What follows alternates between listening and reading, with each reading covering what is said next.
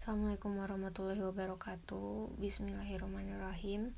Hari ini aku mau share kajiannya Ustadz Hanan Ataki tentang niat dan ikhlas. Uh, Jadi awalnya itu diceritakan pada zaman Rasulullah ketika Nabi dan para sahabat jihad. Uh, Pas lagi di Madinah um, Nabi berkata kalau ada satu orang laki-laki yang tidak ikut uh, berjihad bersama kita, tapi setiap kali kita melewati lembah, melakukan perjalanan yang melelahkan, bertemu musuh, dihadapi rintangan, terluka, dan lain-lain, dia akan mendapatkan pahala yang sama. Nah, dari situ sahabat pada nanya kan, siapa ya Rasul laki-laki ini?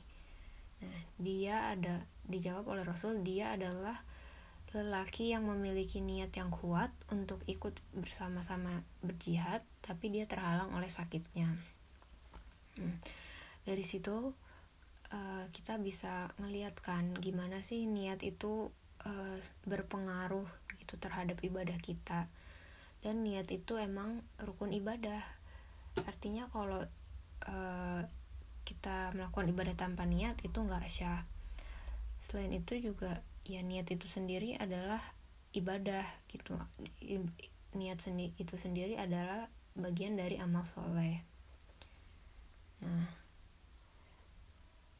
makanya penting banget kita tuh dalam beribadah mempunyai niat yang baik gitu niat yang benar-benar karena Allah.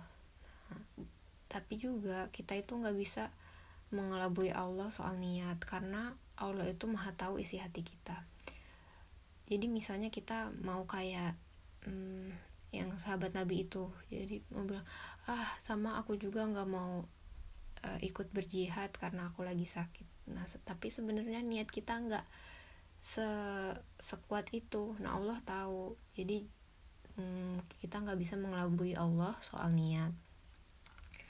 Nah, terus ada cerita lagi soal tentang sahabat Nabi yang dia itu berdoa pada malam hari kalau dia ini mau sedekah uh, minta tolong sama Allah untuk tunjukkan uh, siapa yang paling berhak. Karena dia akan memberikan sedekah ini ke orang yang pertama dia temui di luar rumah.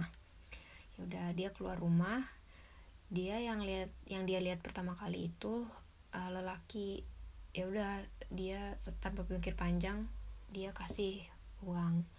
Udah besok paginya ada berita kalau heboh-heboh gitu ya. Oh, tadi malam ada pencuri yang mendapatkan uh, uang banyak gitu. Terus dia langsung uh, kaget dan sedih kan. Ah ternyata yang dapat pencuri gitu. Sudah ya malamnya dia berdoa lagi hal yang sama ya Allah saya mau memberikan sedekah ini ke orang yang pertama kali saya lihat. Tolong uh, tunjukkan ke orang yang paling pantas. Dah pas dia keluar yang dia temukan cewek nih terus dia kasih uangnya udah besoknya ada berita lagi.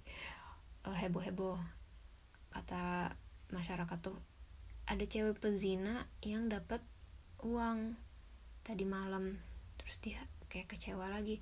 Wah sekarang pezina kenapa ya? Kayak nggak sesuai target terus gitu. Malam ketiga dia ngelakuin hal yang sama dia berdoa lagi buat dikasih uh, yang terbaik terus dia keluar dia sedekah laki-laki. Udah dia kasih dia balik besok paginya ada berita lagi ada orang kaya dan kikir tapi dapat sedekah. Terus dia uh, kaget lagi dan kecewa lagi dan sedih lagi. Nah malamnya harta dia udah habis dia udah nggak bisa sedekah sama sekali. Akhirnya dia uh, tertidur. Nah saat dia tertidur dia mendapatkan mimpi. Di mimpinya itu ada malaikat yang nge-approach dia dan malaikat itu bilang e, kamu sudah tiga kali ber, uh, sedekah kenapa kamu bersedih? Terus dia ya semacam curhat gitu tentang gimana dia ngerasa sedekahnya itu kayak salah target gitu. Dan dia mm, ngerasa mungkin apa ibadahnya nggak sempurna dan nggak akan diterima. Terus malaikat itu menjawab uh, ibadah kamu tiga-tiganya sedekah kamu tiga-tiganya diterima. Terus dia dia kaget kan kok bisa? Gitu. Uh, terus malaikat itu menjawab karena untuk orang yang pertama kepada pencuri itu dengan kamu sedekah kamu menghalangi dia untuk mencuri terus yang kedua dengan kamu memberi uh, sedekah ke penzina kebesokan hari keesokan harinya pezina itu mengurungkan niat untuk berzina karena sudah mendapatkan uh, yang dia butuhkan. Yang ketiga, untuk orang kaya yang kikir, dengan dia memberikan sedekah, orang kaya tersebut terbuka hatinya itu dan dia mendapat hidayah untuk menjadi orang yang dermawan dan gak kikir lagi. Itu.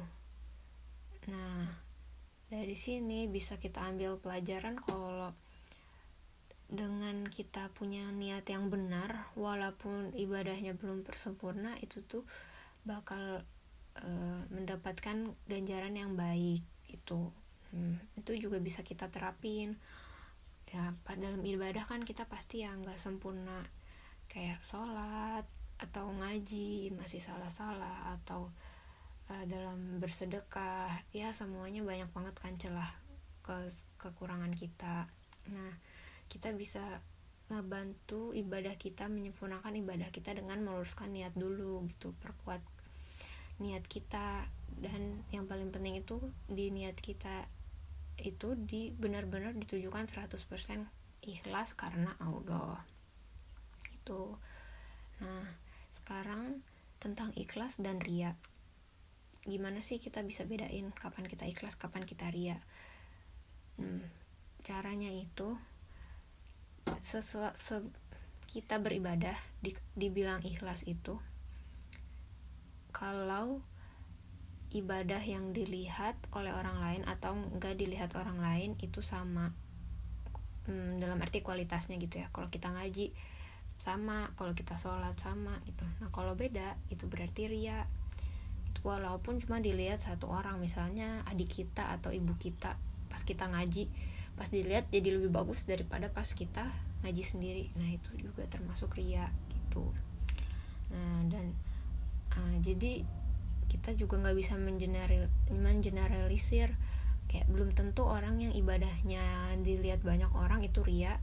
Dan kebalikannya orang yang ibadahnya gak dilihat siapa-siapa belum tentu dia ikhlas. Karena itu balik lagi ke kita. Kayak apakah kita Eh, benar-benar lulus karena Allah dan apakah yang kita apa ibadah yang kita lakukan itu sama kualitasnya. Waktu lagi sendiri atau lagi berdua lagi bertiga atau waktu lagi sendiri dibandingkan dengan kita di sosial media atau yang kita share kayak gitu sekian. Wassalamualaikum warahmatullahi wabarakatuh